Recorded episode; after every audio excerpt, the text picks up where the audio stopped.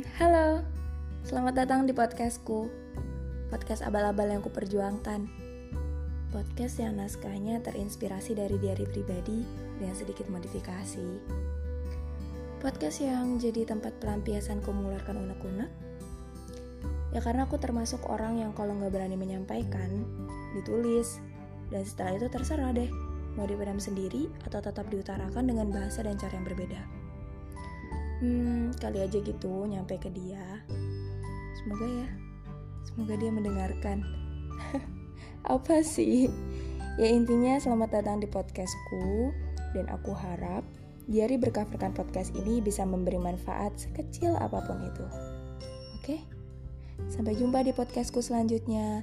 Semoga suka ya.